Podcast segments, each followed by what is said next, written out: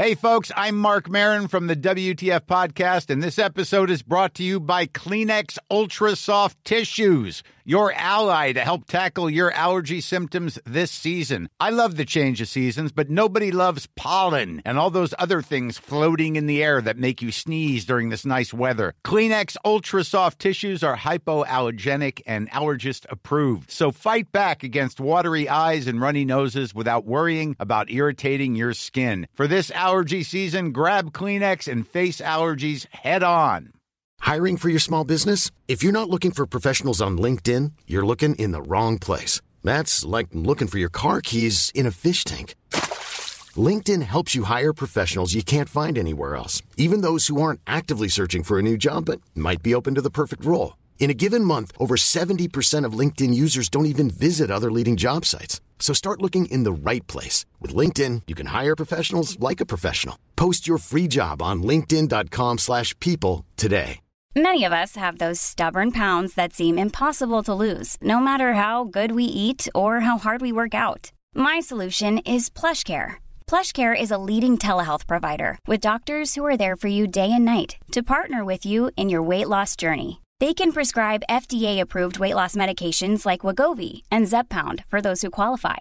Plus, they accept most insurance plans. To get started, visit plushcare.com slash weight loss. That's plushcare.com slash weight loss.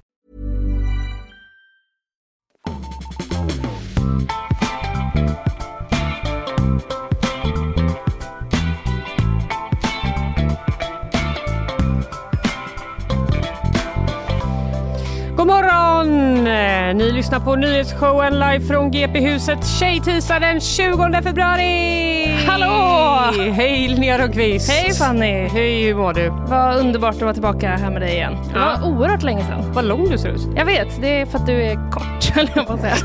Fan, Det är, kombina- det är en kombination. Ja, jag tror också det. Eh, vad har du på hjärtat idag?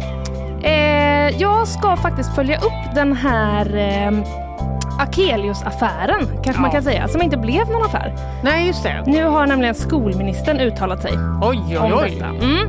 Många har uttalat sig om detta då, man Ja, så vi ska stänga det här och sen så ska jag också prata lite faktiskt om en My Little Pony-mässa i Ryssland. Från det ena till det tredje tänkte jag säga, för jag ska prata om eh, droger. Jaha. De har eh, levt sitt liv på Andra Långgatan, det vet vi ju. Mm. Men nu har de flyttat in på krogarna. Bort från gatan, in på krogen. Jaha. In i värmen.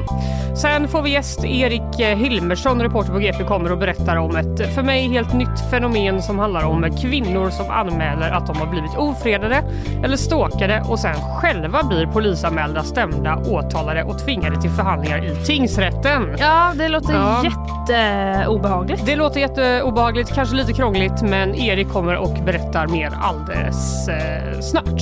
Sen blir det bakvagn. Ja, Vad har du där då? Eh, jag har eh, någon som har mätt fel vilket kan få mycket, mycket stora pengakonsekvenser. Mycket, mycket kanske är att ta i.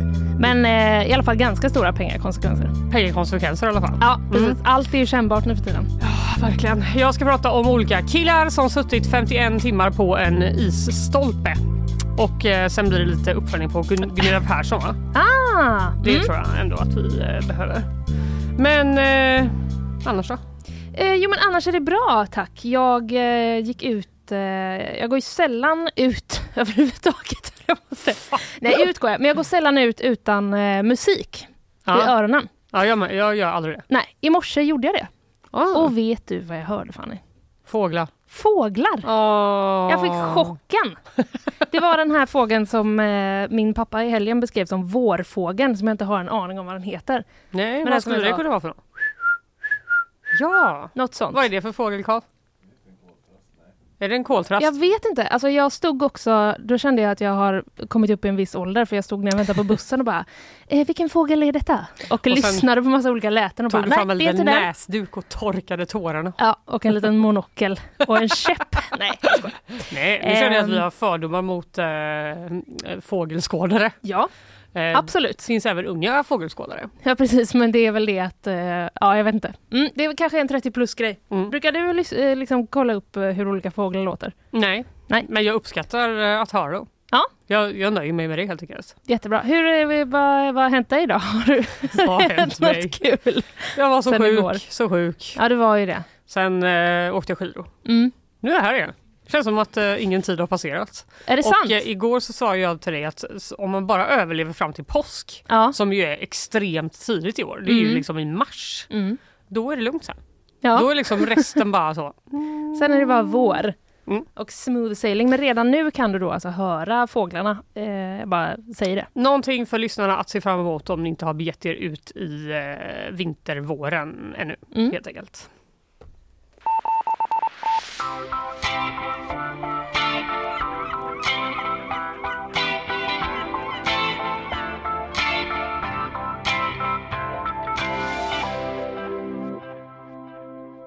Då, Fanny. Igår så pratade ju Kalle om eh, att eh, miljardären Roger Akelius eh, köp av Academedia hävdes. Ja, vilken soppa. Vilken soppa! Det hände ju då efter att han sa att han ville citat slopa höga vinster och aktieutdelningar och istället låta pengarna gå till eleverna. Hur kunde han? Hur kunde han? Kunde han säga Eh, han sa också, läste jag i en intervju med Dagens Industri, eh, så här. Det viktigaste med skattefinansierade friskolor är att förbättra för elever och lärare, inte att squeeza ut vinster. så? Mhm. Uppskattar ändå att han använde en liten- Squeeze. att han använde squeeza. Mm. Eh, I alla fall för, ni som, för er som inte hängde med, aktien sjönk. Det Japp. blev lite kris. Eh, och Academedias VD då, Johan Andersson sa till Dagens Industri att eh, det här blev inte bra. Nej, Nej. det Köpet tyckte hä- de inte. Nej, precis. Köpet hävdes och igår, läser jag i GP, så hade nästan hela raset av aktien hämtats in. Nej, tänk de som sålde. Ja, Vad surt ja för dem. Precis. Det är, men det är därför jag all, inte håller på med aktier. Nej, För att jag tänker heller. oavsett vad jag gör så kommer jag ångra mig i efterhand. Man kommer bara ha panik tiden. Exakt, det kommer vara jättesvårt. Ja. Eh, nu har i alla fall då skolminister Lotta Edholm kommenterat det här. Mm. Hon säger till oss på GP då att eh, det är intressant att en näringslivsföreträdare nu ser att det finns en risk att vinstintresset går ut över elevernas rätt till en god utbildning. Mhm. Det är intressant. Mm. Och hon säger också att det är helt uppenbart att det svenska friskolesystemet måste helrenoveras. Ja, hon är lite inne på det va? Hon är lite inne på det. Känd från showen. Ja, precis. med henne om det här. Men hon säger också samtidigt då att hon kan inte uttala sig om enskilda fall. Mm, Okej. Så man, så man har det med sig. Ja. Men det är ändå intressant att en näringslivsföreträdare ser då att det finns en risk här, att vinstintresset går ut över eleverna. Bara en av alla Bara en av alla. i Sverige. Precis. Mm. Hon får också frågan då från eh, våran eh, reporter och kollega Anna Ekström om det går att göra vinstutdelning utan att det går ut över kvaliteten. Mm. Jag tror att det kan göra det om man sparar in på exempelvis byråkrati. Problemet är att friskolor kan göra vinst genom att ha en högre andel obehöriga lärare eller dra in på bokinköp. Då uppstår stora problem i kvaliteten för eleverna. Mhm. Mm. Och de har ju också då tillsatt en friskoleutredning, regeringen. Mm. Och den säger eh, Lotta Edholm att den kommer föreslå vinstförbud på väldigt många områden. Det som idag möjliggör de största vinstuttagen kommer inte längre vara möjliga, säger hon. Mhm. Mm. Men det har inte fått någon att sälja av alla sina aktier. Nej. Det uttalandet. Nej. Vad vi vet. Nej, precis.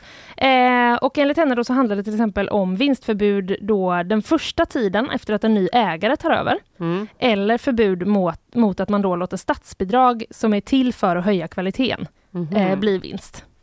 Fair enough. Det känns ju... den känns ganska De given. Vad tror ni om den här regeln? Ja, just det. Eh, Vad tror ni om det här att man använder pengar till det som man måste använda dem till? Ja, precis. Ehm, men Anna Ekström ringde också då upp Åsa Westlund som är utbildningspolitisk talesperson för Socialdemokraterna. Mhm. Och hon säger då att det här är långt ifrån tillräckligt. Jaså? Mm, och hon PP, eh, påpekar, påpekar eh, också då att det främst är nystartade aktörer som kommer beröras av de här tuffare reglerna och inte de stora koncernerna som har funnits längre. Mhm. Eh, just det, det är nästan så att man tänker att regeringen har skräddarsytt en lagstiftning som inte ska hota de här stora skolkoncernerna, säger hon. Mm. Det är ju hennes eh, bild av det. Det är hennes tolkning. Mm. Eh, Roger Akelius eh, själv Mm. eh, sa ju så här efter Mm. att köpet blev upphävt. Jag tycker faktiskt det är ganska härligt. Ganska härligt. Just han tyckte det var härligt att han skulle få jobba lite mindre. Eh, ja, men ja, han tyckte väl i alla fall att det var något bra att landa i. Ja. Eh, liksom efter eh, allt det här. Mm. Eh, och igår så tog de upp den här frågan i eh, Aktuellt. Jag tänker att eh, vi låter bara Roger Ekelius få slutordet här. Så här sa han. Vill inte de, ska jag säga, förbättra barnens villkor, då ska inte jag tvinga dem på något sätt. Nej, det kan man ju inte tvinga folk till. Nej, Ändå lite... om man inte är politiker då kanske, genom lag. Ja just det, det kanske är det de håller på med Mm. och utreder då. Mm. Nej men inte ska väl han tvinga aktiespararna eller ägarna till det. Nej. Ja, Okej, men då eh, får vi tacka Roger för eh, det slutordet helt enkelt.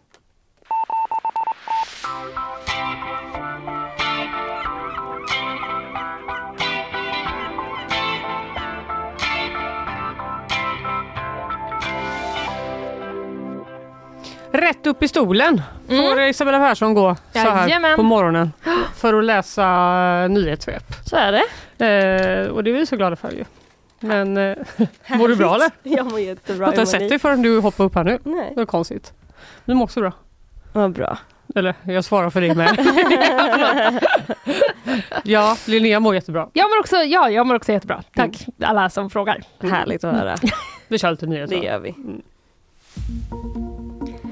Här under morgonen kommer Sverige att presentera ett stödpaket till Ukraina som ska vara rekordstort. Detta erfar DN. Stödet ska innehålla material från Försvarsmakten men även pengar för att Ukraina då ska kunna köpa in nytt försvarsmaterial och totalt kommer det uppgå till 7,1 miljarder kronor. Det är nästan ytterligare en miljard mer än Sveriges hittills största stödpaket och då innefattade det stridsvagnar och artilleripjäser typ Archer.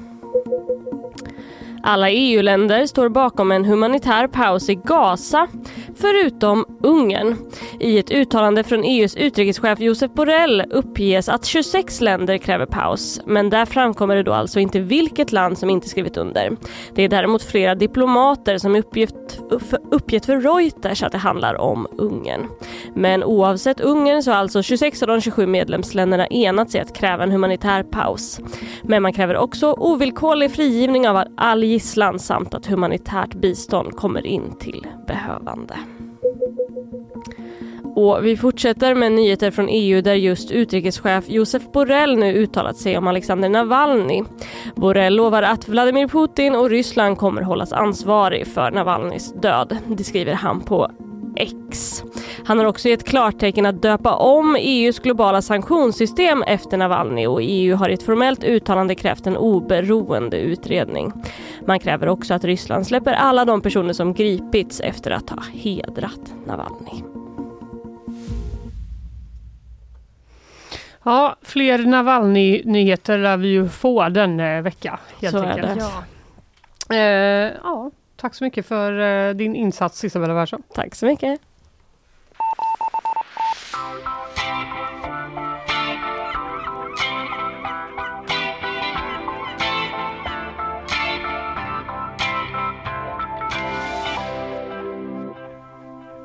Jaha du Linnea, nu ska vi eh, hem till Göteborg. Ja. Mm. Nu ska vi prata lokalnyheter. Härligt. Nämligen den om eh, drogförsäljningen runt eh, Järntorget och närmare bestämt Andra Långgatan. Känd för sin dåliga, dåliga mat och för att de alltid är med på The Guardians Cool Places. Var den Lista. så himla dålig du som ätit dig igenom hela? Är du förvånad, är du förvånad över det? Alltså jag åt det här om veckan. Jag var typ så, det här var rätt bra. Ja, ja, men det finns ju givetvis undantag. Ja, Man, går kan inte man går generalisera så. Men Nej, man går inte nödvändigtvis dit för att äta kanske i första hand. det gör man ändå inte. Nej. Men kanske går man dit för att knarka, ska det visa sig.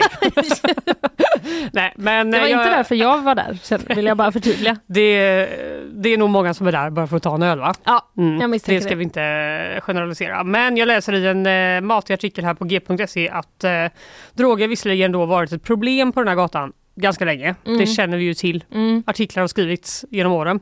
Men eh, nu har det helt enkelt bytt karaktär efter att man har gjort då riktade insatser från polisen och från Göteborgs stad som har lyckats driva bort langarna från gatan. Wow! Mm.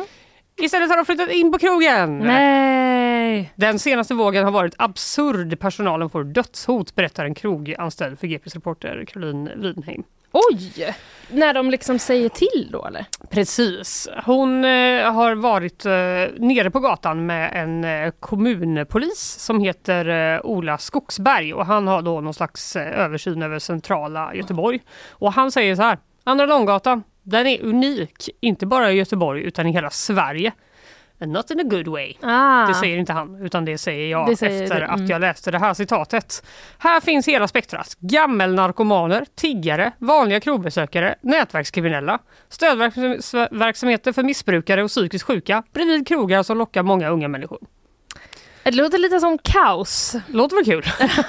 Det låter som en uh, smältdegel. Precis. Han menar ju att det här är liksom en oemotståndlig plats då inte bara för folk som älskar att dricka bärs utan också då för kriminella nätverk. Ja, eh, i vår stad och redan 2018 så kunde man se då en stor ökning av drogförsäljningen kring Järntorget och eh, Långgatorna. Och under pandemin så blev det en väldigt viktig marknad då för de här kriminella eftersom krogarna på Andra Lång var bland de få som eh, fortfarande höll öppet. Mm. Eh, vi minns ju det vagt va? Man kunde ju inte gå på krogen ett tag. Det var ändå sjukt när man blev utkörd 2030. Verkligen. Jag Mm. tyckte det var så skönt. Det var ganska skönt. Annars var pandemin rätt skit, Ja. men det var ju bra för oss som inte har något, eh, någon självbevarelsedrift, tänkte jag säga. Men eh, 2020 då så gick den här kommunpolisen eh, Ola Skogsberg ut med en varning till göteborgarna. Rör er inte på Järntorget och Långgatan ensamma på kvällen. Eh, Så pass illa var det då. Oj! Eh, han säger så här, då kunde våra civilklädda poliser i gatulangningsgruppen bli erbjudna droger av samma person de gripit kvällen innan. Nej! Fan vad trött man ska bli då. Eh, ja, verkligen. Här är du igen!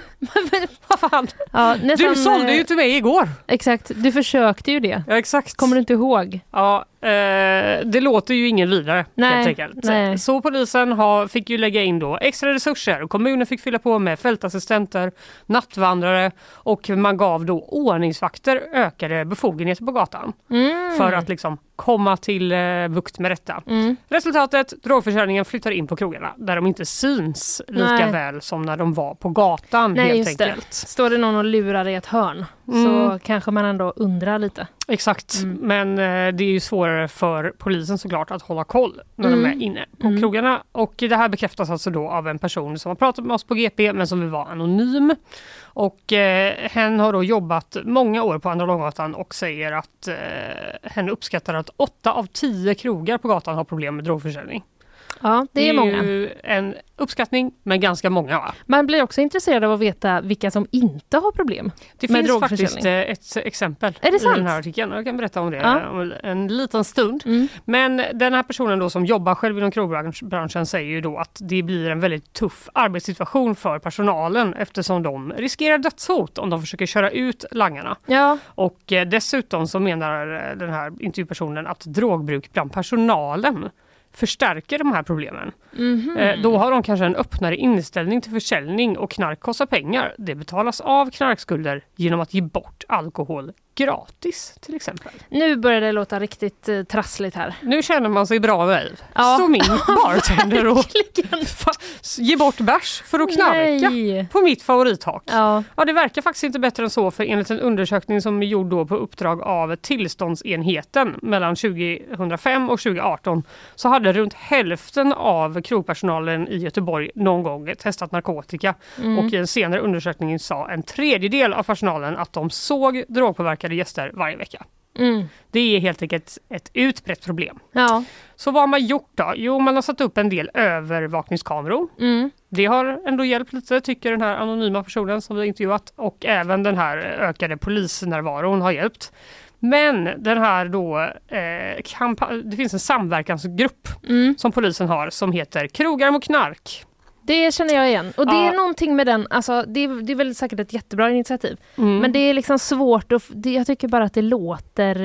Eh, Jag tycker det låter lite töntigt. Det låter lite töntigt. Ja, visst. Men det är helt enkelt så att krogarna ska vara mot knark. va? Ja, ja. Eh, Och det är ju eh, all, det är rimligt i allra högsta grad. Ja men du menar taglinen? Ja, det är bara det jag, jag på fastnar bara på den. Ja, lite. jag Mm. håller med. Eh, Det här är då ett nätverk och en metod för polis och krögare att bekämpa eh, droger. Men Mm. det här tycker inte då vår anonyma röst är någon imponerande satsning eftersom det lägger liksom ett visst ansvar på krogpersonalen. Mhm. Så här säger eh, hen. Det är inte så lätt för vanliga människor som jobbar att bedriva krig mot knarkvärlden.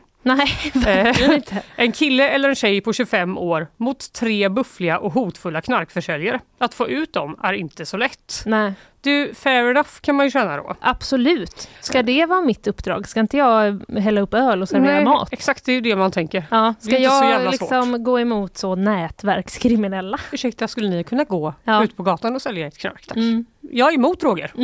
det står här på den här stickern på min dörr. Just. Eh, nej, men ett annat problem då är att eh, enligt då kommunpolis eh, Ola Skogsberg är eh, rädsla från krögare och personal som inte vågar vara med i utredningar när det händer olika incidenter då. Så ganska få av dem leder till rättegång. Mm. Det har vi, känner vi också igen. Mm. Men vid årsskiftet Linnea så fick vi en splitter ny ordningsvaktslag. Jaha, Ja, och den gör att ordningsvakter nu får helt enkelt större befogenheter. De kan till exempel gripa och köra en person till polishuset. Mhm. Kanske kan det hjälpa? det låter ju eh, bättre än att de måste ringa polisen och eh, Ja. alltså tidseffektivt. Jag Liksom. tänker det. Eh, men problemet nu då, som man redan kan se, är att polisen ser hur drogförsäljare och då deras kunder flyttar sig. Inte bara då in på krogarna, utan bort till Linné och Haga där det inte finns ordningsvakter. Just det. Ja, och då känner man ju så som du gjorde nu. Mm. Man, man känner för att sucka lite. Känns det inte tröstlöst? Frågar till exempel eh, reporter Caroline Widheim Ja, då, bra här fråga. polisen. Väldigt bra fråga. Ja, svarar han. Det finns också teorier om att varje förflyttning innebär en minskning eftersom man sprider ut försäljningen. Alltså, det är någon slags eh, teori då. Ja, Jag vet inte riktigt eh, hur. nej, inte jag heller. Han preciserar du, inte mer. Om du liksom spär ut saft så blir det ju inte mindre saft för det. Nej, det blir väl mer. Eh, jo, det kanske var ett dåligt exempel. Menar, mängden saft minskar ju inte för att du liksom häller i vatten i det. Nej precis. Han, jag tolkar han, honom som att så här, ja, vi, vi, de flyttar väl någon annanstans och vi vet inte var men vi kommer vara kvar här Mm. längs Järntorget och andra långgatorna. Det kommer fortsatt vara ett prioriterat område. Ja.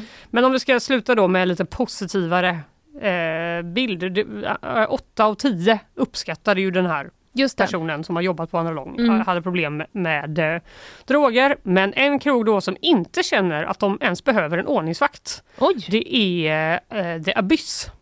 Den här Jaha. hårdrockskrogen nära Masthuggstorget. Ja. De har vi skrivit, pratat om här tror jag för de höll på att gå i konken. Men de Exakt. verkar klara sig och hänga på och de säger att eh, de, vi har inte sånt stök hos oss. Eh, både för att vi har ett lite äldre klientel och Mm. för att det är väldigt mycket stammisar.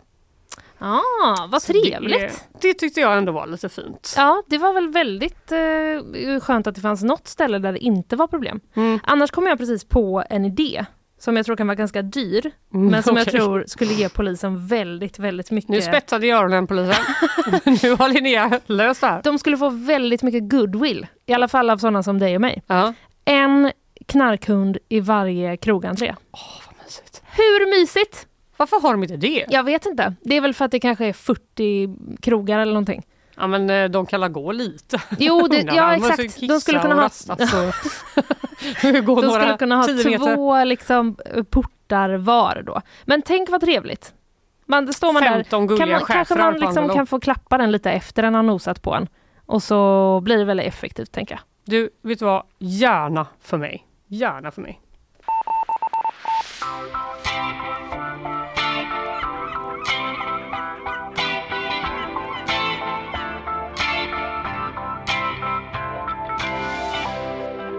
Eh, Karl påpekar mycket riktigt här att eh, hunden skulle ju vara upptagen med att bli gullad.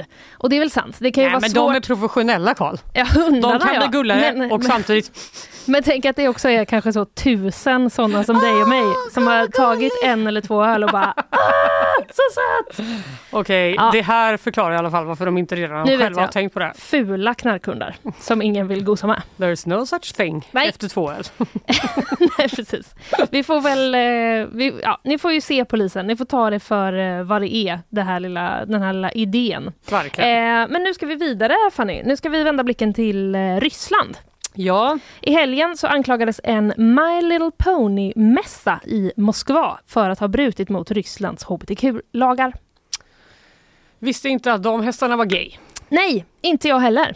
Eh, polisen kallades dit. De kunde inte hitta något bevis för att brott hade skett. Nej, okej. Men de stängde mässan ändå. Jaha, just in case. Just in case. Eh, arrangörerna för den här mässan skriver så här i sociala medier enligt eh, TT. Polisen fick klagomål som hävdade att vårt eh, evenemang främjar icke-traditionella relationer och motsvarande symboler, vuxet innehåll riktat till barn samt skräck och mörker i allmänhet. Va? Är det någonting som My Little Pony inte är så är det väl skräck och mörker. Det känns inte som de har liksom tagit in det här riktigt. Har ni sett eh, den här tecknade serien Poliserna? Nej, Undrar man. det undrar man verkligen. innan de drog. Ja. Den här mässan i alla fall som då hette Mi Amore, tydligen Mm. döpt efter en av My Little Ponysarna. Mm. Ja, det Eh, låter som, det är för kärleksfullt Ja, för Exakt. polisen. exakt. Eh, men den utsattes i alla fall då för flera polisrazzior eh, och som sagt så hittar de inga bevis. Men TT skriver då att arrangörerna valde att stänga dörrarna i förtid efter citat hotfulla uppmaningar om att evenemanget borde stänga. Slutcitat. Gud vad sjukt. Ja, så det är väl mer eller mindre indirekt Mm, det får man säga. Ja, jag har också sett uppgifter om att det kanske eventuellt var ytterligare en eh, polis eh, liksom, eh, Styrka. eh, styrka eh, på väg dit. Så även om de inte hade stängt så kanske de Aha. ändå hade blivit tvungna att stänga senare. Eh, vad är det då i My Little Pony som skulle bryta mot, eh, mot de här hbtq-lagarna kanske du undrar? Ja, det gör jag verkligen. ja, det är inte helt tydligt. Nej. Men det finns vissa uppgifter vi har att eh, gå på. Förra året så ändrade tydligen då den ryska filmdatabasen Kinopoisk Mhm. Eh, åldersgränsen för My Little Pony till 18 plus. Men gud. Ja, det- Känns som en del, en eh, stor del av målgruppen faller bort. ja, precis. Men den här mässan ska jag säga, den riktade sig eh, eh, till vuxna. Okej, det är bara så. Goa samlare. Ja, ja men precis. Det är väl eh, sånt, som har, sånt som har hängt kvar kan man tänka sig säkert i många fall. Mm. Eh, men det gjorde de i alla fall, så då ändrade de att den var liksom bara för vuxna. Mhm. Och det spekuleras också i att det här skulle kunna höra ihop med eh, de här lagarna eftersom att figuren Rainbow Dash har, Mm. du kanske kan gissa, en regnbågsfärgad man och svans. Ja, Mm. En estetik, skriver TT, som påminner om Pride-flaggan. Ja jo. Då undrar jag bara, har ni sett den riktiga regnbågen, Ryssland? Ja, nej, den För har den- aldrig visat sig då. Är också regnbågsfärgad. Mm, Eh, nämligen. Mm. Eh, Fredrik Wadström på Sveriges Radios eh, kulturredaktion, han har eh, tidigare varit korrespondent i Ryssland. Mhm. Och eh, han fick frågan då om, ja men också om så här, hur hör det här ihop egentligen? Mm. Vad är det som händer? Det finns, tror jag, en panik eh, i den ryska rättsvårdande myndigheter efter det här beslutet om att eh, allt hbtq-relaterat är förbjudet. Hur ska man upprätthålla det? Vad ska man ge sig på? Eh, Hur fungerar den här lagen överhuvudtaget? Eftersom den är ju medvetet vag så att man kan slå ner på allting. Mm. Sen går han också in på och ehm, ja, men säger lite grann om att ehm, oppositionen eller motståndet i Ryssland Mm. är liksom det lägsta på länge. Så att eh, vad ska alla de här poliserna göra? Aha. Den lilla liksom... eh, De ja. har liksom varit för bra på sitt jobb. Ja. Det finns ingen som eh, orkar protestera längre. Nej. Eh, precis. Karl skickar också här en länk som kan ha någonting med detta att göra. 2019 så skrev eh, SVT att lesbiskt par introduceras i My Little Pony. Aha. Det ser jag nu. Eh, den animerade serien, det står då Little Pony Friendship is Magic, heter den tydligen. Den har fått eh, då sitt första lesbiska par. Eh, och det är ett avsnitt eh, där två eh, nya rollfigurer då, Aunt Holiday och Auntie Lofty, introduceras. Eh, Okej. Och de verkar då, ja de har tidigare, tidigare varit med i en barnbok och det har spekulerats i då om de är systrar eller bara väninnor som bor tillsammans. Det är 2024! Wow! Får panik. De måste vara systrar va? Ja. Mm.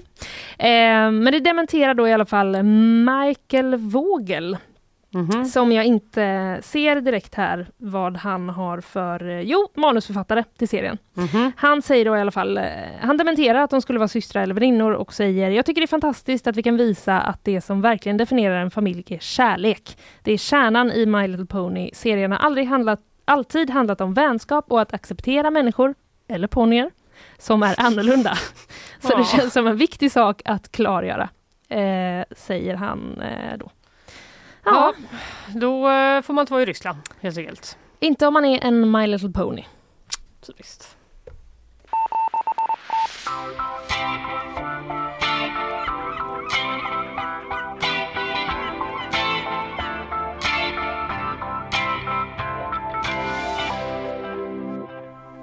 Du, vi ska alldeles strax eh, få gäst. Ja, Erik Hilmersson kommer och pratar om ett eh, riktigt skrämmande fenomen, Ja. rättsligt fenomen.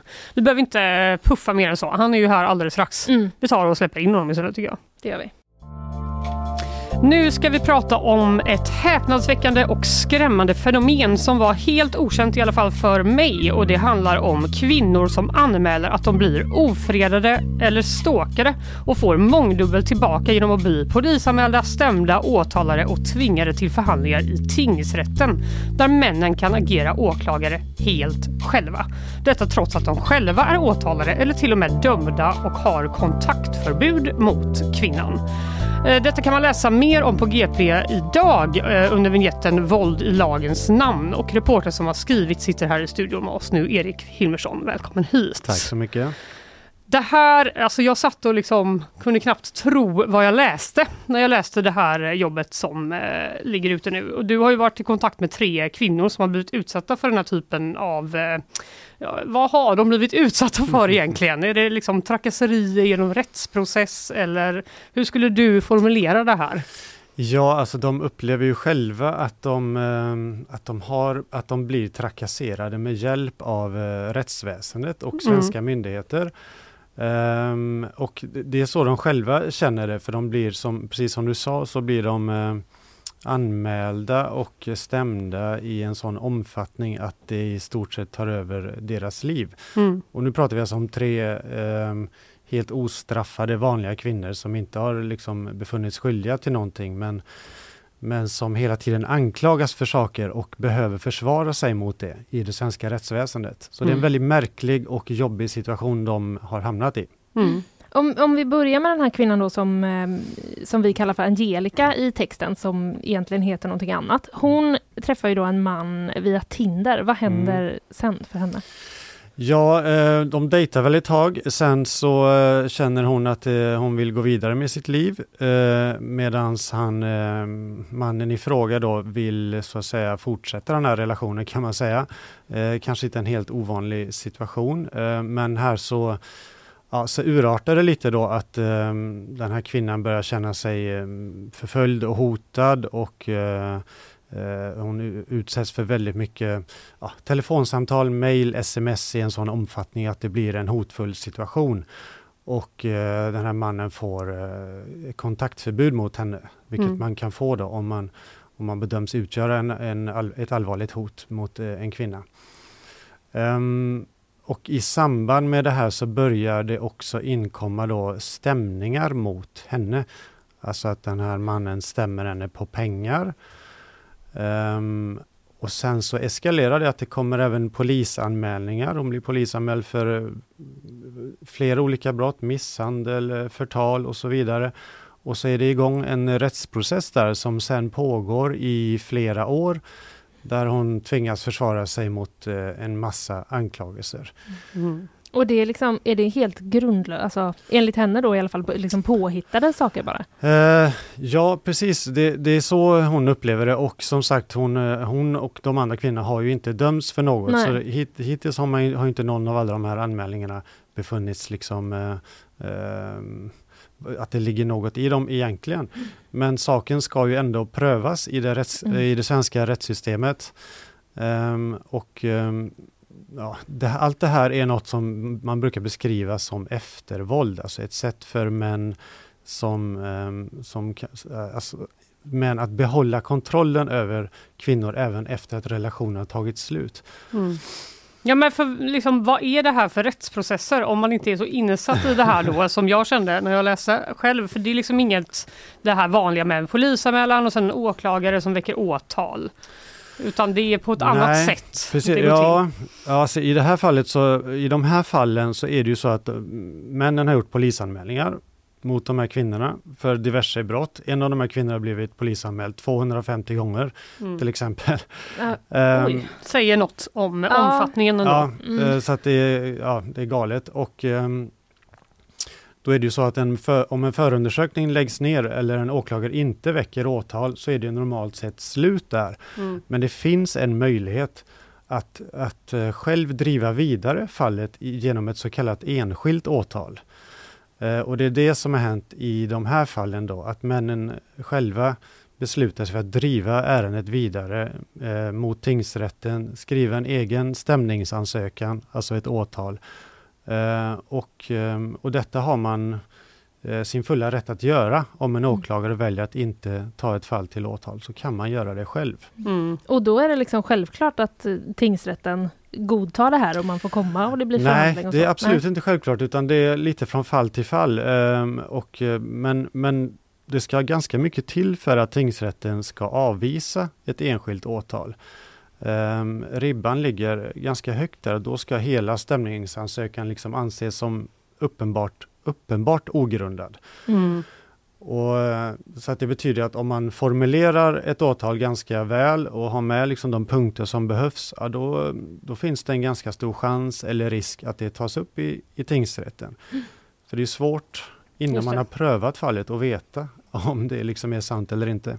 Mm. Och då är det männen själva som är åklagare och så ja. kvinnorna måste ofta då möta sin egen förövare i rätten. Precis, och det är det här som de tycker, eh, de jag pratar med är liksom det värsta av allt, att det handlar om en, män då som, som kanske är dömda som ni säger eller har kontaktförbud. Mm. Men de tvingas alltså gå till tingsrätten anklagad för något och där möta de här männen som de gör allt för att undvika. Mm. Och männen är i, ikläder sig då rollen som åklagare och, eh, och finns där i rättssalen och har i stort sett de befogenheter som en åklagare har och kan liksom plädera, hålla förhör och så vidare. Mm. mm. Så det är ett sätt för dem liksom då att komma runt det här kontaktförbudet på något sätt? Det, det ja. påverkas inte i den situationen? Nej, det, det gör faktiskt inte det, utan där går liksom rättsprocessen först. Uh, så att ja, det är precis som du säger och det är det som också lyfts fram från forskarhåll, att det men använder rättsväsendet just för att komma runt, som du säger, kontaktförbudet. Går det att liksom säga, kan vem som helst driva den här typen av mål? Vad krävs för att göra det? Kostar det pengar? Eh, det, det, kan ju bli ganska dyrt. Mm. För om man förlorar ett sånt här mål så, ska, ska, så är grundregeln att man ska betala försvarets eh, rättegångskostnader. Mm. Sen så tas det ju viss hänsyn där till vilken ekonomi man har och det har väl hänt att det finns sådana som liksom har nolltaxerat och då kan det vara svårt att mm. ta in de pengarna där. Men grundregeln, grundregeln är att eh, den som förlorar då ska betala, så det kan bli dyrt. Mm. Men annars är det ingenting eh, speciellt som, som krävs? Liksom. Nej, alltså egentligen inte. Vem som helst kan egentligen åtala vem som helst för nästan vad som helst. Jag mm. pratade med chefsrådmannen på Göteborgs tingsrätt och han, han bekräftade liksom att ja, i praktiken så är det så. Du kan åtala mig för, för misshandel och skriver du en, eh, en, en någorlunda välformulerad stämningsansökan så finns det en chans att det tas upp i, i tingsrätten och leder till, till rättegång till och med. Mm.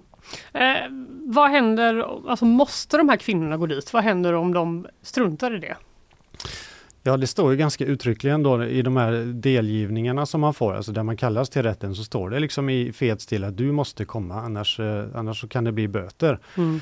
Eh, Så det är också en ganska viktig princip liksom i rättssystemet att när tingsrätten kallar så, så kommer man. Mm. Sen har en av kvinnorna berättat att hon efter visst tjat och vägran eh, lyckades slippa det och fick vara med via länk istället. Mm. Så- Slapp vara i samma rum. Ja, Så. precis. Mm. Men, eh, men i första skedet så är liksom, det är det man förväntar sig att när, när rätten kallar så kommer man. De hade också kallat väldigt många vittnen till de här kvinnorna. Det var väl en Ja. utav dem som hade liksom 20 vänner och familj och kollegor som tvingats eh, Ja. dit. Ja, Är det också ett sätt att liksom göra livet surt för någon eller? ja alltså de enskilda fallen är ju svårt att säga men det är så det upplevs i alla fall eh, för de inblandade Mm. såklart. Eh, När vänner, kollegor, eh, familj kallas som vittnen då. Det, det, det upplevs ju som väldigt eh, eh, tufft såklart. Mm. För en annan eh, kvinna då som du också har pratat med som vi kallar för Marie, det var hon som du nämnde där som har blivit polisanmäld över 250 gånger då av Mm. sin exman. Mm. Ehm, man känner ju bara hur liksom påverkar det här de här kvinnornas liv? Det måste ju ta upp otroligt mycket tid och energi.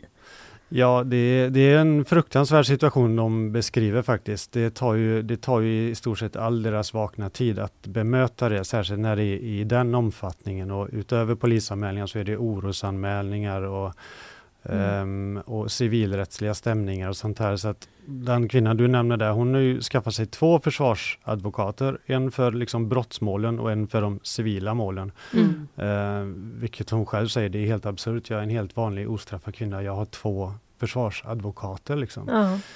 Eh, så det, det tar över väldigt mycket av deras liv och eh, de, de, får, de hamnar i en känsla av att de känner sig helt eh, fångade i det här. Att de, de tar sig aldrig ur. Det finns ingen väg ur upplever de. Nej.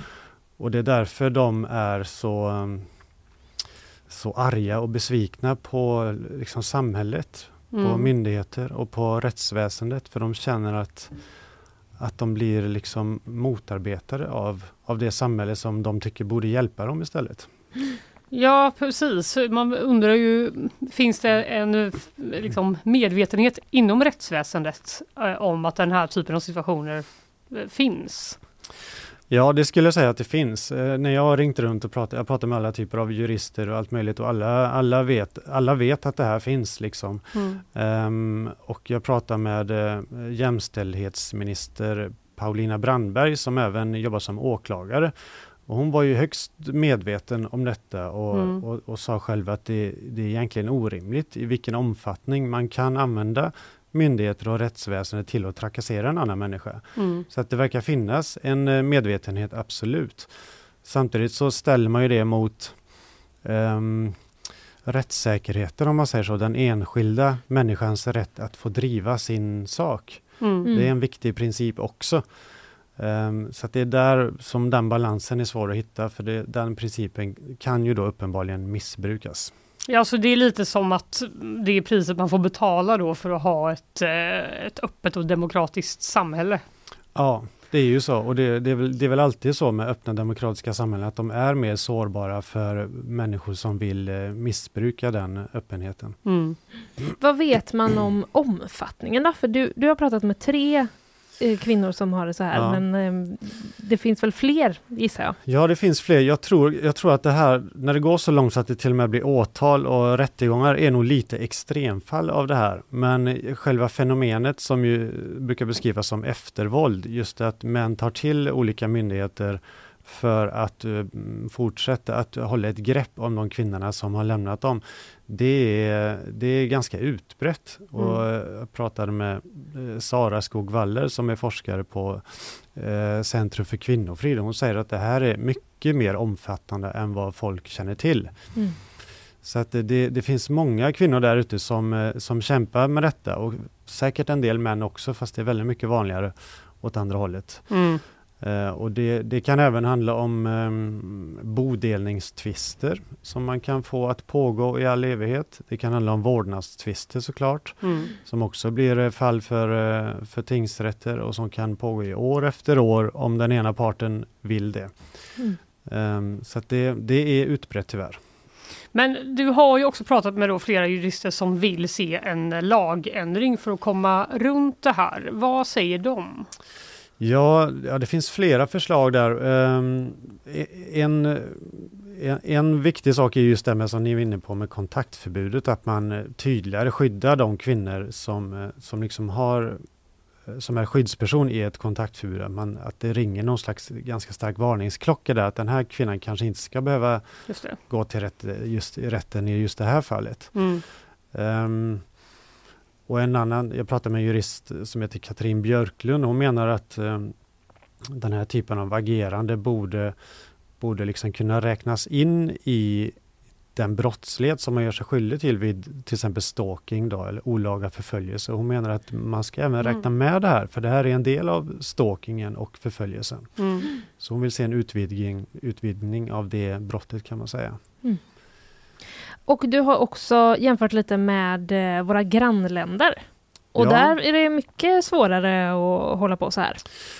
Ja, I alla fall när det gäller de enskilda åtalen. Mm. Eh, Norge beslöt ju sig häromåret, eller för två år sedan var det kanske, att, att helt enkelt avskaffa eh, den, här, den här möjligheten till att själv som privatperson väcka åtal.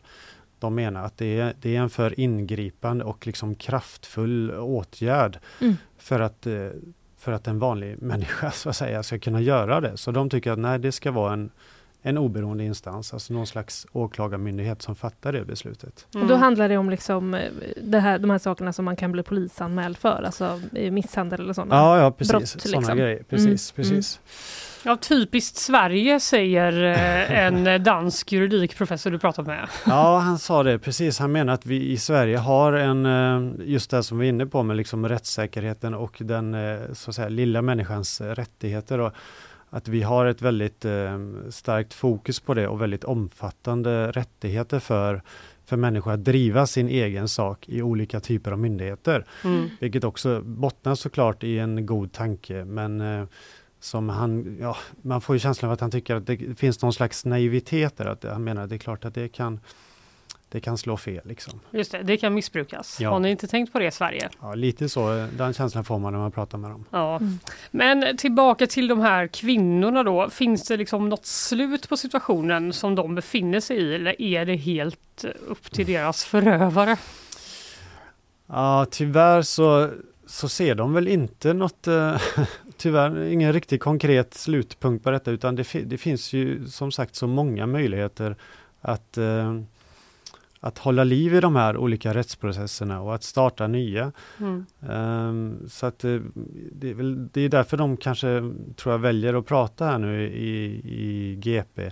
För de vill verkligen uppmärksamma eh, omgivningen och politiker och beslutsfattare och jurister på att det här pågår och att de, ja, men de känner att vi måste få mer hjälp, vi tar oss aldrig ur det här. Mm. Så att just nu tror jag de upplever det som lite hopplöst faktiskt, tröstlöst. Vi får väl se efter dina texter helt enkelt vad vi kan få för reaktioner. Det finns två ja. texter nu på sajten och det kommer fler nu på, imorgon mm. och på, nej, på onsdag mm. imorgon. Mm. Eh, kan varmt rekommendera alla att ja. gå in på vår sajt och läsa dem. Tusen tack för att du kom hit tack Erik Hilmersson. Tack, tack. tack.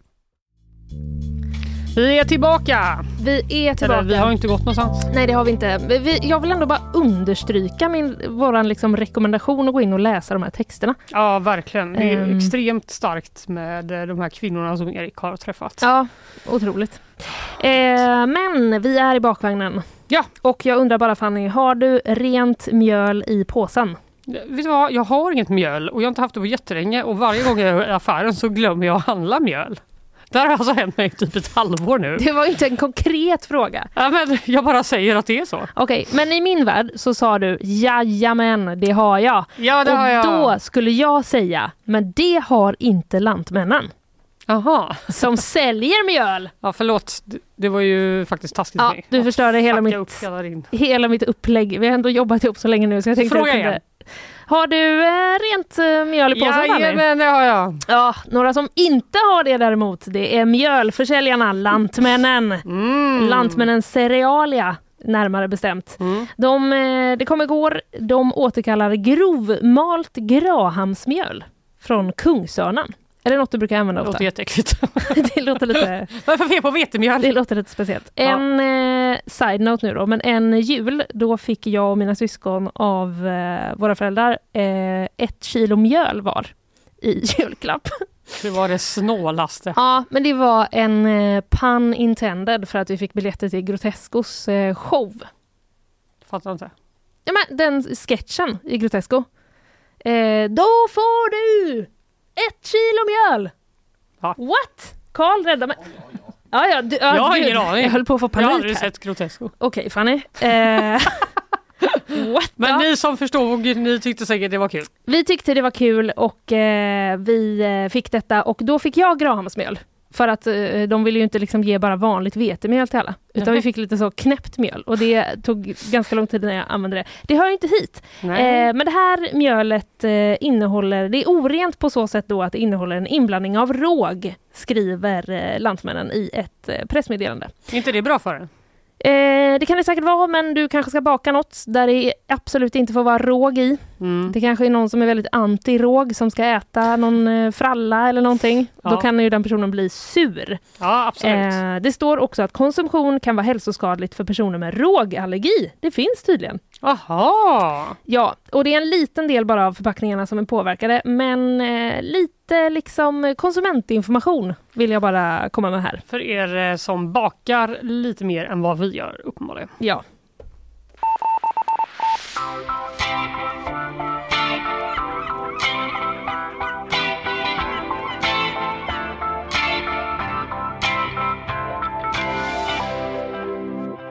Jag tror vi ska göra en liten, liten uppföljning på eh, Gunilla Persson versus Kronofogden Ja. som vi pratade om igår. Eh, Kollar du med det eller? Eh, vet du, jag såg Gunilla Persson. La, la, Ja, ja, jag, vet inte vad, Gunilla. jag vet inte vad jag ska säga. Jag vet inte vad jag ska säga Nej, faktiskt. eh, det finns ju andra som eh, kan uttrycka sig bättre Alltså, om det här. Ja, kanske. jag kan väl möjligtvis bara konstatera att hon sjöng I won't shake. Och sen stod hon ändå och shakeade. Tyckte du hon shakade? För jag tyckte hon såg ut som en eh, vred. vaxdocka. Ja, typ. hon kanske vred sig då, men hon gjorde ju det på refrängen och så hade hon en klänning med liksom lite franspaljetter eller någonting som ändå så... Mhm. Ja, just det. Eh, men eh, ingen pratar ju om den här låten längre utan det vi pratar om är ju att eh, Gunilla Persson har en skuld till mm. Kronofogden. Ja, Och därför valde de då att slå till mot hennes hotellrum på söndagsmorgonen klockan åtta. Eh, taskigt. åh! Det är det du reagerar mest mot. Inte Ja, typ att de hade- tog alla hennes grejer. Nej men det att hörde, De väckte henne tidigt. det hörde jag igår, men jag missade nog det igår då att det var på söndagsmorgonen. Mm. Jag fick för mig att det var typ så när hon stod på scenen. Att Nej, de nej, gjorde nej, nej. sån luring. Det var Men nej, dagen efter. det var dagen efter. Vad Ja. kul för dem från Kronofogden som var tvungna att gå upp och jobba tidigt en Du, söndag också. jag tror att de tyckte det var skitkul faktiskt. Ja, sant. Jag vet inte det. Nej. Jag bara spekulerar. Mm. Men äh, det här baserar jag på citaten av Johannes Paulsson. Som sa Som- det var skitkul! Nej, men som bara har en ton Okej, av att tycka att det var ganska kul. ja vad spännande. Men eh, det som de tog med sig då, för det som inte hörde igår, var ju då ett par Chanel-skor, flera halsband, armband och ringar samt väskor, kavajer och en klänning. Mm, Ganska mycket grejer va? just det. Och nu Hade hon ju- några kläder kvar? Alltså jag antar att hon fick sin pyjamas och åka hem. Nej, hon har säkert massa grejer. Ja. Men eh, de här grejerna då, de utmätta sakerna ska värderas och sen säljs de då på auktion. Mm. Uppskattningsvis så är det värt under 100 000 kronor som det ser ut. Jaha. Vi ska göra en preliminär värdering och sen tar vi det till en juvelerare för en professionell värdering troligen under veckan säger då Johannes Paulsson på Kronofogden. Och därefter kommer vi starta försäljningsåtgärder. Vi lägger ut det på vår försäljningssajt eh, Auktionstorget. Just det. Ja, det innebär även att Gunilla Persson kan få köpa smyckena om hon vill. Just det, hon kan eh, köpa tillbaka dem ja. Mm, ja, det fungerar ungefär som Tradera. Vem som helst kan handla där så hon kan köpa tillbaka dem om hon önskar, säger Johannes Paulsson. Men det enklaste vore ju om hon betalade hela summan. Just det. 640 000 kronor. Ah. Som är det som hon är skyldig helt enkelt. Mm. Men under 100 000 för alla de grejerna. Ja, var, var det liksom eh, hm halsband höll jag på att säga. Alltså man undrar ju. ja. Man undrar ju. Eh, det här skulden ska jag också säga, det beror ju då på att eh, Gunilla Persson fick eh, olika bidrag från Sverige när hon bodde i USA. Det, så var det ja. Ja, som hon Mm. tycker att hon har rätt till. Men håll utkik då på auktionstorget om ni är sugna på lite bling från Gunilla Perssons eh, garderob.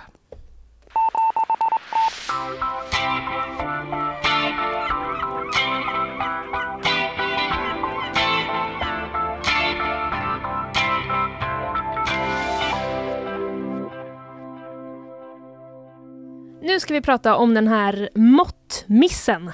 Som Ja. jag har valt att kalla det. Vad är det? Vad är det du Eh, pratar om? Jo, när eh, jag vaknade i morse så eh, satte jag igång och började surfa runt på olika nyhetssajter. Det kanske du också gjorde? Ja, Ja. Det, det hör ju till. Det hör till, det Ja. är det vi brukar göra och då föll jag eh, lite grann för en... Alltså den här historien har liksom eh, ingrediensen eh, byråkrati, regler kontra verkligheten. Mm. Som ändå gör att man liksom är så, Mm. ja, vi, vi har Det ju... är mitt Sverige det. Ja, precis. Det, då kände jag, det här är folksjälen. Ja, det får man säga. Eh, det är DN då som har skrivit om Ingalill och hennes attefallshus som står 34 centimeter fel. Måste Nej. rivas Nej. eller flyttas. Nej! Jo. 34 centimeter, det finns en... Eh, ja, Karl stänger av öronen, han som bygger ett attefallshus. Han går Du talat ja, härifrån. han lämnar. Du kanske Ja. borde göra tvärtom, Karl. Det är Du viktig ska lyssna på information. det här. Ja, vi får berätta för honom sen. Eh, det finns en underbar bild högst upp i det här eh, lilla reportaget också där Ingalill står framför sin, eh, nybyggda, sitt nybyggda attefallshus med en eh, liten sån här, ett måttband i handen. Nej men gumman. Ja, och ser liksom lite besviken DN och konfunderad ut. Ja, Mm. Exakt. Ehm, det är i alla fall då Ingalill och Bos attefallshus som då står 34 center, centimeter för nära tomtgränsen. Men var det som mätte? Ja, det var byggföretaget. Nej! Jo. Och de, eh, Ingalill berättar också att de tog hjälp, så här, de, när de skulle bygga det här attefallshuset, eh, så började de titta lite på reglerna och då kände de jäklar, det här var lite för komplicerat för oss. Mm. Vi är inte riktigt insatta i det här så att eh, vi tar hjälp av ett byggföretag eh, som kan alla regler, som har gjort det här förut. Som då liksom kan eh, göra detta rätt. För de hade då specialiserat sig på att uppföra denna typ av byggnad, skriver eh, DN. Åh. Ehm, ja, de hade tittat på reglerna, det var lite svårt. Men då sa i alla fall eh, byggföretaget att eh, det ska inte vara några problem med den här byggnadens eh, placering. Nähä. Ungefär ett halvår, när, eh, ett halvår senare stod eh, huset klart och kort därefter kom chocken. De ansökte då om t- slutbesked hos kommunen som man antagligen måste göra Okej. när man har byggt klart något. Eh, och då skulle det göras en ny mätning av husets placering. Då upptäckte man att byggföretaget hade mätt fel. Eh, ja, enligt reglerna då så måste ett attefallshus planeras minst 4,5 meter in på tomten. Men i Ingalill och Bos fall då, så eh, vid något tillfälle långt tidigare så har den här gärdsgården då som markerar tomtgränsen hamnat en bit in på kommunens mark. Mm. Troligtvis då för att ett träd hade växt upp exakt på tomtgränsen, berättar då Ola som är deras eh, son. Så de kanske inte kunde ha gärdsgården just där och så bytt mätte byggföretaget från eh, Åh. där. Så det visar sig då att istället för eh, vad byggföretaget trodde, de hade tagit 10 centimeters marginal till och med.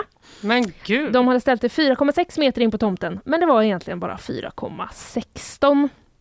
Okej, men kan inte kommunen bara Nej, helpa Inga-Lill out? Kommunen kan inte blunda för de här 34 Men centimetrarna. de kan ändå det. Alltså rent fysiskt menar du? Ja. Ja, men det har, de, eh, det har de inte velat. De har till och med frågat kommunen om de kan få köpa eh, lite extra mark där. Så att det blir, du vet, så att det det. blir deras mark. Lite gärdsgårds... Ja, men eh, det har de inte fått och det, tydligen är det också så att eh, om det hade varit en granne som hade liksom tomten bredvid, då hade de typ kunnat få ett så här, ja, det är okej, skriver det, grannen. Grannen bara skitsamma Inga-Lill. Precis, precis. Vad hette hon? Ingalill. Ja, bra. Eh, men i det här då eh, så finns det ju liksom ingen person som Nej, kan företräda. själv. För det är kommunen och då kan man tydligen inte göra så. De har också undersökt, kan vi liksom bara flytta huset lite? Måste vi verkligen riva det?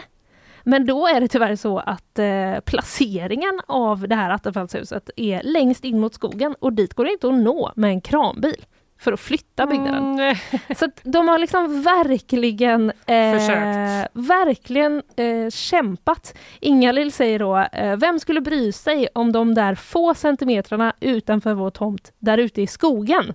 Det är ju inte Nej, rimligt på något sätt. för det man undrar är ju vad spelar det för roll? Ja, precis. Alltså vad gör det för skada? Det Ja. är bara en principsak.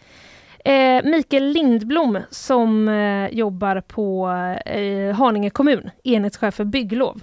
Han säger den stora anledningen den stora anledningen till att vi inte kan säga att det får stå kvar är på grund av existerande rättspraxis. Ja, Det finns inga möjligheter att gå vidare med det här från vår sida. det är en principsak. Ja, Ingalill eh, är då eh, missnöjd med kommunens inställning och eh, skriver DN hänvisar till att huset har kostat över en miljon kronor. En stor kostnad för två pensionärer.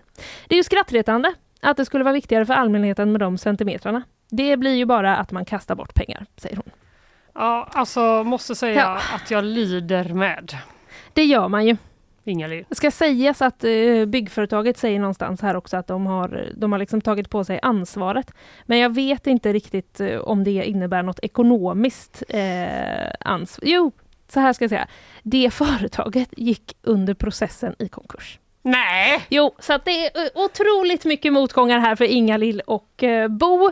Och eh, det drabbade mig i morse när jag klickade mig in på den här nyheten. Det återstår väl att se vad som kommer att hända. Eh, det står också att DN har sökt då Martin Strömvall, eh, kristdemokrat, ordförande i stadsbyggnadsnämnden, som då på mejl svarar att han inte kan uttala sig i dagsläget eftersom han citat inte har fått ta del av fullständiga handlingar i ärendet ännu. Eh, jag tar på mig att eh, uppdatera er om Mm. hur det går för Ingalill och Bo och deras en miljon kronors attefallshus. Styrkekramar från oss Styrkekramar. på nyhetsshowen.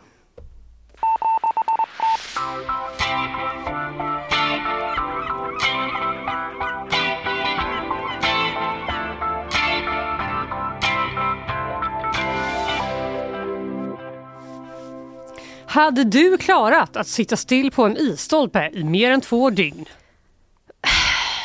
Det, nej, varför skulle jag ens vilja det? Det låter ju värdelöst. Eh, ja, det verkar helt värdelöst. Ja. Men ändå har eh, sju tappra deltagare tagit sig an det här under den årliga isstolpssittartävlingen som gick av stapeln på Wilhelmina Winter Weekend i Västerbotten på torsdagen.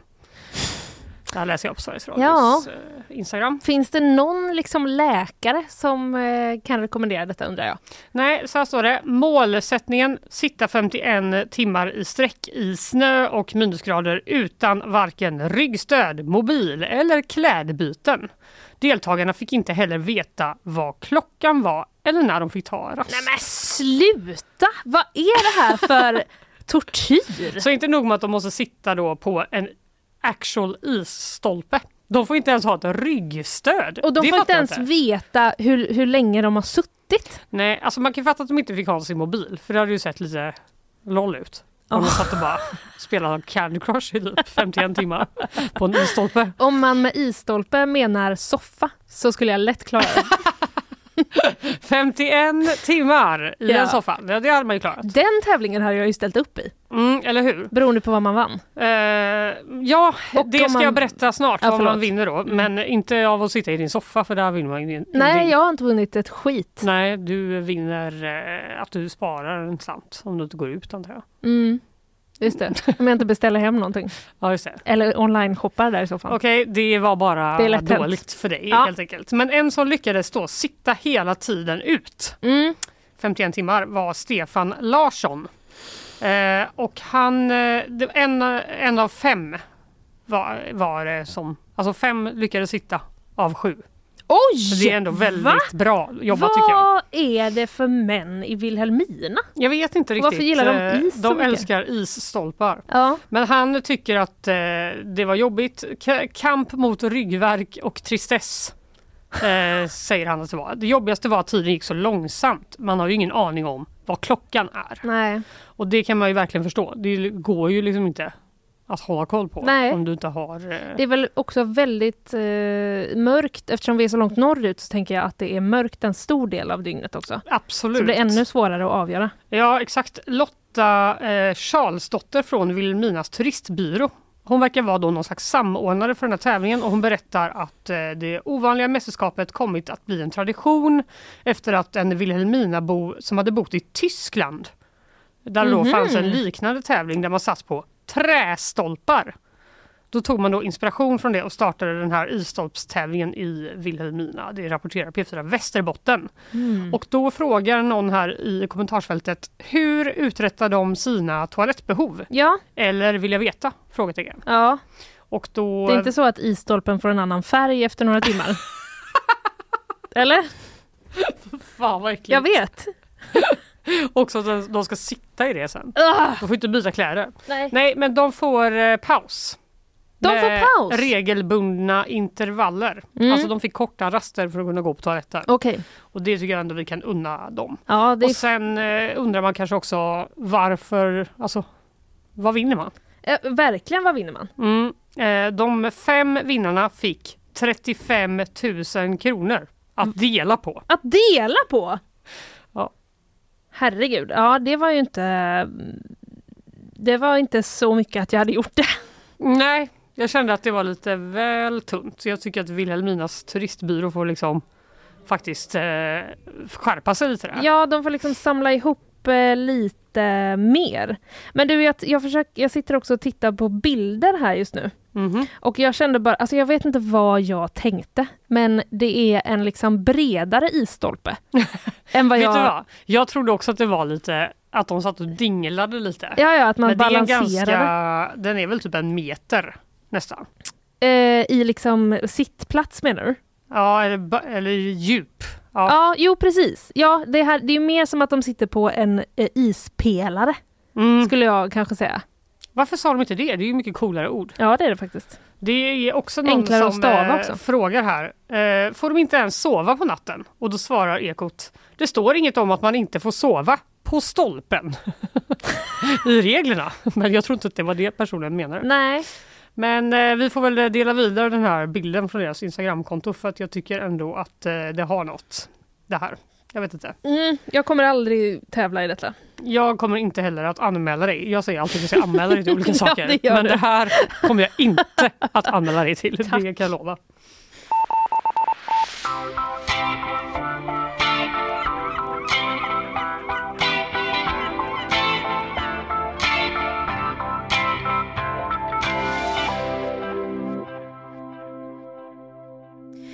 Breaking news eh, från här på morgonen. Ja, Ja. vad har hänt? En timme gammalt är det ungefär. Ja, det är breaking för oss. Det är breaking för oss. Jag läser att TT har skrivit en artikel med rubriken Kristerssons fru reste gratis med regeringsplanet. Jaha, Mm. oj det är någon som har varit, en sån duktig journalist. Det är Uppdrag granskning Ja, som har varit tro. en sån duktig journalist. Kollat olika kvitton Ja, och eh, sånt. Det är väldigt viktigt. Sinnebilden av vad det är att vara en äkta duktig journalist. På, på många sätt. Mm. Ehm, men det, är, eh, det handlar då om att i juli förra året så följde statsministerns fru då Birgitta Kristersson Ed. Eh, hon följde med eh, Ulf på regeringsflyget till Washington när Kristersson då skulle träffa Joe Biden. Mysigt. Och vid ett annat tillfälle så följde hon också med honom till Helsingfors. Eftersom statsministerns fru saknade ett formellt uppdrag på de här resorna så säger reglerna då att han ska bekosta hennes resor. Mhm. Och den kostnaden ska motsvara fullpriset för en liknande resa med reguljärflyg. Och 25% av hotellkostnaden ska betalas privat. Mhm. Vad spännande, den som har bestämt de här reglerna. Ja. så, eh, frun då, ja, hon får betala liksom en fjärdedel. Ska vi säga 25 procent? Eller hur? Kanske. Det är ändå lite Blir det. Det är liksom lite svårdefinierat. Ja. Ehm, men det ska, ja precis, fullpriset då för en liknande resa med reguljärflyg, Mm. dels för flyg, flygbiljetten och 25% av hotellet. Eh, och det blir då i det här fallet 16 000 kronor ungefär, som Mm. då inte drogs ifrån Kristerssons månadsarvode i samband med de här resorna. Ja, Först- Det var lite underwhelming summa tycker jag. Ja, jo Han absolut. märker väl inte ens det. Vad tjänar Eh, vår statsminister? ja, han måste ju tjäna hundra någonting. Ja, absolut. Ja. Ehm, men Minst. i alla fall, först när SVTs då Uppdrag granskning ställde frågor om de här resorna över fyra månader senare så gjordes avdrag på statsministerns eh, arvode. Mhm. Eh, Ulf Kristersson själv har avböjt att eh, kommentera och departementsrådet Hans Bäck han säger till SVT då att det här felet beror på ett missförstånd mellan tjänstemän. Och Kristerssons pressekreterare skriver i ett mejl att statsministern har följt de rutiner som finns. Mm, jag kan säga att han tjänar 191 000 kronor. Ja, då I är, ju, då är ju 16 tuss eh, inte knappt märkbart. Känns som att han hellre hade bara betalat det än att Exakt. få den här rubriken. Ja, det verkar i alla fall vara då en, eh, ja, men ett avsnitt från eh, Uppdrag granskning här som är på gång. Ja, men jag kan ändå fatta, man har suttit där och grävt och grävt. Så hittar man någon grej som inte stämmer. Nej, precis. Ska de bara vara så här? Ja, det var ju inte så mycket pengar. Det Nej. är klart att man vill liksom En avvägning. man vill re- redovisa det. då. Ja, ja visst. Jag kan ändå få, jag sympatiserar med den duktiga, duktiga journalisten Ja. på Uppdrag granskning.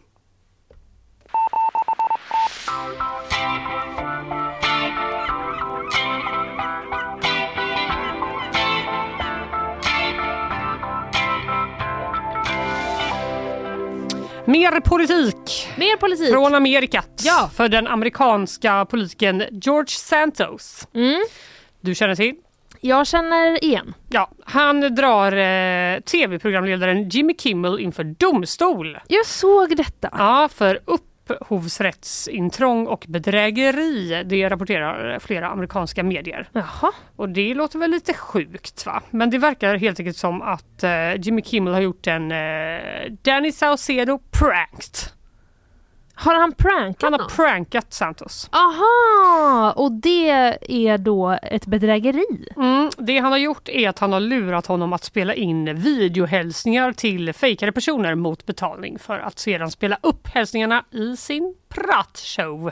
Läser jag på TT. Mm. Är det någon sån memogrej typ? Jag antar att det är exakt det det är. Ah. Fast sen har han tagit de här memosarna Mm. och spelat upp dem i tv. I en av filmsnuttarna gratulerade Santos en kvinna till att ha framgångsrikt klonat en schnauzerhund vid namn Adolf.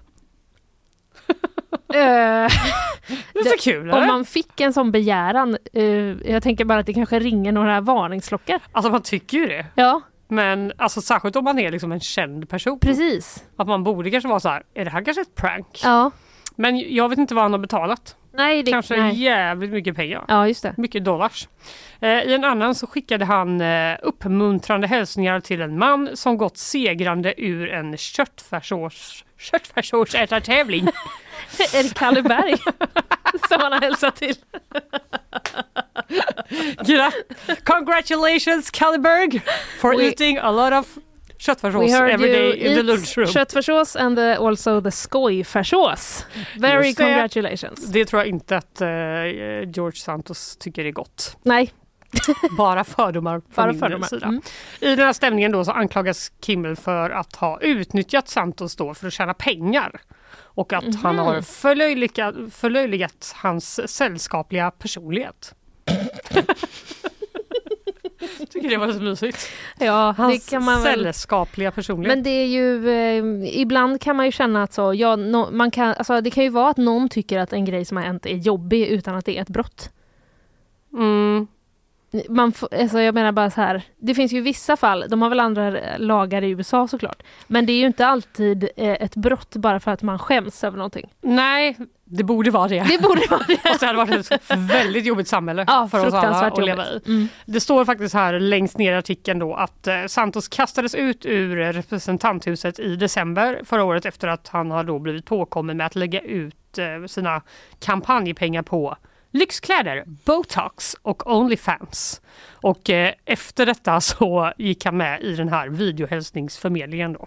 Aha, Cameo heter den Åh, tydligen ja. i USA. Kris, Så, eh, krisdrag eventuellt. Det låter ju sjukt jobbigt bara på alla Ja, det, sätt. det låter som att han har en tuff period. Och det, jag tycker också att det låter som att eh, oavsett hur det går för Jimmy Kimmel så är väl han ändå vinnaren här. Man får väl anta det. Mm. Eh, Han har nog också råd. Han har nog också en helt okej lön Ja. om han skulle åka på det. Ja, ja, så kan det gå om Så man gå. inte granskar sina eh, cameo Förfrågningar. Hör ni det alla där ute? Ha alltid en källkritisk blick. Så jobbar jag och Fanny. Ja, det gör vi. Men nu ska vi inte jobba mer tycker inte jag. Nej. Nu ska vi eh, lägga ner för idag. Vad pratade du om i början av programmet? Jo, men jag har eh, fortsatt lite grann på den här eh, Roger Akelius och Academedia-historien. Mm, just det. Han skulle köpa eh, aktier i Academedia, sen så hävdes det efter att han då sa, föreslog att man skulle slopa höga vinster och aktieutdelningar och istället låta pengarna gå till eleverna. Nu har också skolminister Lotta Edholm kommenterat eh, det här. Hon tycker då, eh, ja, bland annat att eh, hon vill inte uttala sig om enskilda fall ska jag säga, men hon Mm. tycker det är uppenbart att eh, det svenska friskolesystemet måste helrenoveras. Japp, det tycker hon. Jag pratade om att eh, drogerna har flyttat in från Andra Långgatans gata till Andra Långgatans krogar. Mm. Vad ska man göra åt det och eh, varför har det blivit så? Eventuellt en hund i varje entré. Bara ett litet förslag. Från dig och mig ska vi vara tydliga med. från, som absolut Inte. inte, står i artikeln Nej, nej, på g.se. Eh, och sen hade vi ju gäst. Ja, Det var ju Erik Hilmersson som var här, eh, reporter på GP och han berättade ju om eh, hur rättsväsendet kan liksom användas mot kvinnor som själva har anmält då att de har blivit ofredade eller stalkade och sen då själva blir polisanmälda, stämda, åtalade och tvingade till förhandlingar i tingsrätten av männen som de då har anmält. ja. Låter det krångligt? Det är inte så krångligt men det är väldigt intressant. Jag kan varmt rekommendera att ni går in på g.se nu och läser Eriks eh, texter. Gå in och läs. Jag pratade ju också, vill jag bara säga, om en eh, My Little Pony-mässa i Moskva. Just det, det gjorde du. Ja, som då anklagades för att ha brutit mot Rysslands eh, hbtq-lagar. Polisen var där, gjorde razzia, hittade inga bevis direkt men eh, gjorde, utövade ändå starka påtryckningar för att de skulle stänga ner den här mässan. Ja, riktigt eh, sjukt faktiskt. Men eh, sen var det bakvagn och Ja. det var ju nu. Vill Ja. du säga något som du sa? Nej. Men jag kan säga att eh, det var mycket om Inga-Lill och hennes attefallshus. Ja, eh, vår producent eh, Carl Jansson lämnade studion ett tag för att han blev Ja. så triggad. Ja. Eh, researcher idag var Emelie Hagblad, producent sa jag ju, Mm. ju Carl. Eh, nyhetssvepare Isabella Persson. Jajamän. Så var det du. Linnea Rönnqvist. Och så var det jag, Fanny Wik och eh, det var allt för oss. Det var vi. Eh, vi hörs. Ja, det gör vi. Ja, hej då. Hej.